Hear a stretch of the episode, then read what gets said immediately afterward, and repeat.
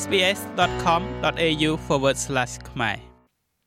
ការរៀនហែលទឹកអាចថាមិនមែនជាអតិភិបចម្បងនៅក្នុងការតាំងទីលំនៅក្នុងប្រទេសអូស្ត្រាលីតែទោះជាយ៉ាងណាការពិតនោះគឺថាប្រជាជនដែលកើតនៅក្រៅប្រទេសជារៀងរាល់ឆ្នាំស្ថិតនៅក្នុងស្ថិតិនៃការលង់ទឹកដ៏ច្រើនលើសលប់របស់យើងនៅប្រទេសអូស្ត្រាលីការហែលទឹកគឺជាជំនាញជីវិតដ៏សំខាន់មួយ ការរៀនហែលទឹកនៅគ្រប់វ័យមិនមែនត្រឹមតែអាចការពារអ្នកពីការលង់ទឹកប៉ុណ្ណោះនោះទេប៉ុន្តែក៏អាចការពារក្រុមគ្រួសាររបស់អ្នកនិងជួយអ្នកឲ្យចូលរួមដោយទំនុកចិត្តនៅក្នុងជីវិតរស់នៅប្រចាំថ្ងៃក្នុងប្រទេសអូស្ត្រាលីផងដែរជារៀងរាល់ឆ្នាំ Royal Life Saving Society Australia ផលិតនៅរបាយការណ៍ស្ដីអំពីការលង់ទឹកនៅទូទាំងប្រទេស ការស្រាវជ្រាវបង្ហាញថាចំនួនអ្នកលង់ទឹកនៅក្នុងសហគមន៍ពហុវប្បធម៌គឺខ្ពស់នៅក្នុងកម្រិតមិនសមហេតុផល ហើយចំណេះដឹងអំពីសវត្ថភាពនៅក្នុងទឹកគឺនៅខ្សោយណាស់ On average over the last 10 years around Australia ជាមធ្យមក្នុងរយៈពេល10ឆ្នាំកន្លងមកនេះនៅជុំវិញប្រទេសអូស្ត្រាលី35%នៃអ្នកលង់ទឹកទាំងអស់គឺជាមនុស្សមានប្រវត្តិមកពីពហុវប្បធម៌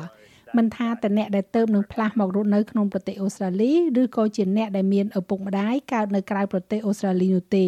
តួលេខនោះគឺតំណាងឲ្យស្ថិតិមួយដ៏ច្រើនជ្រុលចាអំបញ្ញមិញនេះគឺជាប្រសាសន៍របស់លោក Michael Massini អ្នកគ្រប់គ្រងខាងភាពចម្រុះជាតិសាសន៍និងការរាប់បញ្ចូលនៅ Life Saving Victoria ដែលហៅកាត់ថា LSV LSV ចាប់ដៃគូជាមួយនឹងអង្គការនិងសាលារៀននានាដើម្បីផ្ដល់នូវកម្មវិធីហែលទឹកដល់ក្រុមពហុវប្បធម៌របាយការណ៍ជាតិស្ដីអំពីការលង់ទឹកក៏បានបង្ហាញផងដែរថា80%នៃអ្នកលង់ទឹកគឺជាបុរស We believe that this is because men generally យើងជឿថានេះគឺដោយសារតែបុរសជាទូទៅគឺជាអ្នកដែលប្រថុយប្រឋានខ្លាំងជាងប្រហែលជាពួកគេវាយតម្លៃសមត្ថភាពរបស់ពួកគេនៅក្នុងទឹកខ្លាំងពេក ពេលខ្លះពួកគេគិតថាពួកគេអាចធ្វើអ្វីដែលពួកគេមិនអាចធ្វើបាន ហើយជាពិសេសនៅក្នុងក្រមពហុវប្បធម៌របស់យើងក៏ដូចជាអ្នកដែលទៅតែមកដល់ប្រទេសនេះស្ត្រីអាចមកពីប្រទេសដែលសកម្មភាពរាងកាយកីឡានិងការហែលទឹកពិតជាមិនមែនជាអតិភិបសម្រាប់ពួកគេនោះទេ ជាទូទៅវាមិនត្រូវបានគេទទួលយកនោះឡើយនៅក្នុងវប្បធម៌មួយចំនួននៅឯបរទេស កត្តាហានិភ័យផ្លែផ្លែជាច្រើនរួមចំណែកដល់អត្រាលង់ទឹកគួរឲ្យព្រួយបារម្ភនៅក្នុងចំណោមសហគមន៍ពហុវប្បធម៌កុមារដែលកើតនៅក្នុងប្រទេសអូស្ត្រាលីភាគច្រើនមានសិទ្ធិចូលរៀនកម្មវិធីហែលទឹកនៅសាលារៀននិងកម្មវិធីសុវត្ថិភាពក្នុងទឹកសាធារណៈប្រជាជនអូស្ត្រាលីភាគច្រើនរស់នៅតាមឆ្នេរសមុទ្រឬមានអាងហែលទឹក ហើយចាត់ទុកទឹកជាប្រយោជន៍នឹងការកំសាន្តតែសហគមន៍ពហុវប្បធម៌របស់យើងវិញមិនមែនតែងតែដូច្នោះនោះទេ សូហ្វៀធំធាត់ឡើងនៅអេរីត្រាហើយផ្លាស់ទៅនៅខេនយ៉ាជាជនភៀសខ្លួន។នាងមិនមានចំណេះដឹងផ្នែកហែលទឹកឬក៏សុវត្ថិភាពនៅក្នុងទឹកពេលមកដល់ប្រទេសអូស្ត្រាលីនោះទេ There was no opportunity to learn ខ្ញុំគ្មានឱកាសរៀនហែលទឹកនោះទេ ថ្ងៃដែលខ្ញុំបានទៅអាងហែលទឹកខ្ញុំអាចរាប់បានថាមានតែ2ឬ3ថ្ងៃប៉ុណ្ណោះក្នុងជីវិតរបស់ខ្ញុំមុនពេលដែលខ្ញុំមកអូស្ត្រាលី ដូច្នេះខ្ញុំពិតជាមិនមានឱកាសរៀនហែលទឹកទេទោះបីជាខ្ញុំចាប់អារម្មណ៍នឹងការហែលទឹកខ្លាំងយ៉ាងណាក៏ដោយ។ដោយមានការគ្រប់គ្រងពីកម្មវិធីសហគមន៍មួយដែលដំណើរការដោយ Life Saving Victoria Spectrum និង Victoria University Sophia បានចាប់ផ្ដើមរៀនហែលទឹកក្នុងនាមជាយុវវ័យវ័យក្មេង I used to hear stories about many Eritrean ខ្ញុំធ្លាប់បានឮរឿងអំពីជនជាតិ Eritrean ជាច្រើនដូចជារូបខ្ញុំដែលបានបាត់បង់ជីវិតនៅក្នុងសមុទ្រនៅពេលដែលពួកគេធ្វើចំណាក់ស្រុកហើយរឿងរ៉ាវទាំងនោះតែងតែស្ថិតនៅក្នុងគំនិតរបស់ខ្ញុំប៉ុន្តែនៅពេលដែលខ្ញុំចូលហែលទឹកខ្ញុំអាចជំនះលើការភ័យខ្លាចដែលថាអ្វីអ្វីក៏អាចកើតឡើងបានដែរនៅពេលដែលអ្នកនៅក្នុងអាងហែលទឹកនោះព្រោះថាខ្ញុំមិនចេះបណ្ដែតខ្លួននៅលើទឹកខ្ញុំមិនមានជំនាញជាមូលដ្ឋានដើម្បីយករូបខ្លួននៅពេលលង់ទឹកនោះទេ មនុស្សដែលទៅតែមកដល់ប្រទេសអូស្ត្រាលីថ្មីថ្មីជារឿយៗមិនដឹងអំពីគ្រោះថ្នាក់នៃចរន្តទឹកគួចដែលជាចរន្តទឹកខ្លាំងហូរចេញទៅកាន់សមុទ្រនិងគ្រោះថ្នាក់ដ៏ធំបំផុតមួយនៅលើឆ្នេរអូស្ត្រាលីនោះទេអ្នកនាង Jade Hansen គឺជាប្រធានទីផ្សារនៅ Oswim មានប្រសាសន៍ថាគ្រោះថ្នាក់ទាំងនេះកើនឡើងកាន់តែខ្លាំងនៅក្នុងទឹកទន្លេនិងទឹកបឹងរបស់យើង 26% of the fatal drownings from 26%នៃការលង់ទឹកស្លាប់ចាប់ពីឆ្នាំ2021គឺនៅក្នុងទន្លេឬក៏ព្រែកបើប្រៀបធៀបទៅនឹងឆ្នេរដែលមាន22%និង15%នៅក្នុងមហាសមុទ្រឬក៏កំពង់ផែមនុស្សជាច្រើននឹងទៅលេងតំបន់ដាច់ស្រយាលដោយមិនដឹងអំពីជំរឿទឹកនៅទីនោះมันមានការត្រួតពិនិត្យឬក៏ជំនួយច្រើននោះទេនៅតាមតំបន់ដាច់ស្រយាលដូច្នេះតំបន់នៅទីខាងក្រៅជនបទនិងទីដាច់ស្រយាល មានភាគរយខ្ពស់នៃការលង់ទឹកប្រទេសអូស្ត្រាលីត្រូវបានហុំព័ទ្ធដោយឆ្នេរសមុទ្រនិងផ្លូវទឹកជាច្រើនដូច្នេះការរៀនហែលទឹកគឺចាំបាច់ណាស់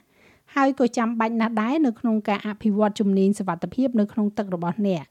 ទាំងនេះគឺជាជំនាញជីវិតដ៏សំខាន់សម្រាប់ការហែលទឹកប្រកបដោយសុវត្ថិភាព ការនេសាទជិះទូកនិងសកម្មភាពនៅក្នុងទឹកផ្សេងៗទៀតទាំងអស់ កម្មវិធីសវត្ថភាពនៅក្នុងទឹកបង្កើននូវការយល់ដឹងជុំវិញការហែលទឹកនៅចន្លោះទង់ជាតិនៅតាមឆ្នេរហែលទឹកជាមួយនឹងមិត្តភ័ក្តិជានិច្ចនិងការយល់ដឹងអំពីវិធីដែលទឹកអាចផ្លាស់ប្ដូរបានដោយមិនអាចទស្សន៍ទាយទុកជាមុនលោក Michael Massini មកពី Life Saving Victoria និយាយថាអត្ថប្រយោជន៍គឺមានច្រើនជាងការជួយសង្គ្រោះជីវិតរបស់អ្នកផ្ទាល់ទៅទៀត។ A major benefit is keeping your family safe. អត្ថប្រយោជន៍សំខាន់គឺការរក្សាគ្រួសាររបស់អ្នកឲ្យមានសុវត្ថិភាពដូច្នេះប្រសិនបើអ្នកមានទំនុកចិត្តលើសមត្ថភាពហែលទឹករបស់អ្នកនោះអ្នកនឹងកាន់តែមានទំនុកចិត្តក្នុងការគ្រប់គ្រងកូនកូនរបស់អ្នកនិងក្រុមគ្រួសាររបស់អ្នកនៅជុំវិញទឹកប្រសិនបើអ្នកអាចរៀនហែលទឹកនោះអ្នកអាចទៅលេង snorkel ឬក៏អ្នកទៅ surf ឬក៏អ្នកអាចធ្វើសកម្មភាពនៅអាងហែលទឹកសហគមន៍នៅក្នុងតំបន់របស់អ្នកបាន ហើយបន្ទាប់មកវាបើកឱកាសឲ្យអ្នកក្លាយទៅជាផ្នែកមួយនៃសហគមន៍និងចូលរួមនៅក្នុងរឿងជាធម្មតានៅក្នុងជីវិតអូស្ត្រាលីអ្នកនាង Jade Hansen មកពី Oswim និយាយទៀតថា ដើម្បីស្វែងរកកម្មវិធីហែលទឹកចូលរកមើលមជ្ឈមណ្ឌលហែលទឹកដែលទទួលស្គាល់ដោយ Oswim ក្នុងតំបន់របស់អ្នក They've got lessons aged from 6ពួកគេមានការបង្រៀនហែលទឹកដោយមានអាយុចាប់ពី6ខែឡើងទៅដូច្នេះរាប់ចាប់ពីទារករហូតដល់មនុស្សពេញវ័យ មជ្ឈមណ្ឌលខ្លះមានមេរៀនជាពិសេសសម្រាប់សហគមន៍ពហុវប្បធម៌ដូច្នេះពួកគេអាចទៅរៀនមួយទល់នឹងមួយឬអាចទៅជាក្រុមអាស្រ័យទៅលើក្រុមអាយុដូច្នេះប្រសិនបើអ្នកគ្រាន់តែចូលទៅមជ្ឈមណ្ឌលហែលទឹកនៅក្នុងតំបន់របស់អ្នកអ្នកអាចចូលទៅតាមរយៈក្រុមប្រឹក្សាសង្កាត់របស់អ្នកឬក៏សូម្បីតែចូលទៅកាន់គេហទំព័រ Oswim ដែលមានទីតាំងមជ្ឈមណ្ឌលហែលទឹកក្នុងតំបន់របស់អ្នកហើយអ្នកនឹងអាចស្វែងរកព័ត៌មានលម្អិតទាំងអស់នោះនៅទីនោះ។ តម្លៃជាមធ្យមនៃមេរៀនហែលទឹកគឺចន្លោះពី19ដុល្លារទៅ26ដុល្លារអាស្រ័យទៅលើទីតាំងអាងទឹកនិងថាតើវាជាការរៀនជាក្រុមឬក៏ការរៀនឯកជនម្នាក់ឯងអ្នកអាចស្វែងរកកម្មវិធីភាពជាដៃគូដែលឥតគិតថ្លៃឬក៏ទទួលបាននូវការឧបត្ថម្ភដូច្នេះវាពិតជាសមនឹងតម្លៃនៅក្នុងការតាក់ទងទៅកាន់មជ្ឈមណ្ឌលធនធានជនចំណាក់ស្រុកនៅក្នុងតំបន់នៅក្នុងសង្កាត់ឬក៏នៅសាកលវិទ្យាល័យរបស់អ្នក ចាស់ហើយដើម្បីស្វែងយល់បន្ថែមអំពីការរៀនហែលទឹកដើម្បីជីវិតរបស់អ្នកសូមចូលទៅកាន់ osfim.com.au ឬក៏ royallifesaving.com.au របាយការណ៍នេះចងក្រងឡើងដោយ Melissa Campanoni និងប្រែសម្រួលសម្រាប់ការផ្សាយរបស់ SPS ខ្មែរដោយនាងខ្ញុំហៃសុផារ៉ានីចូលចិត្តអ្វីដែលអ្នកស្ដាប់នេះទេ Subscribe SPS ខ្មែរនៅលើ Podcast Player ដែលលោកអ្នកចូលចិត្ត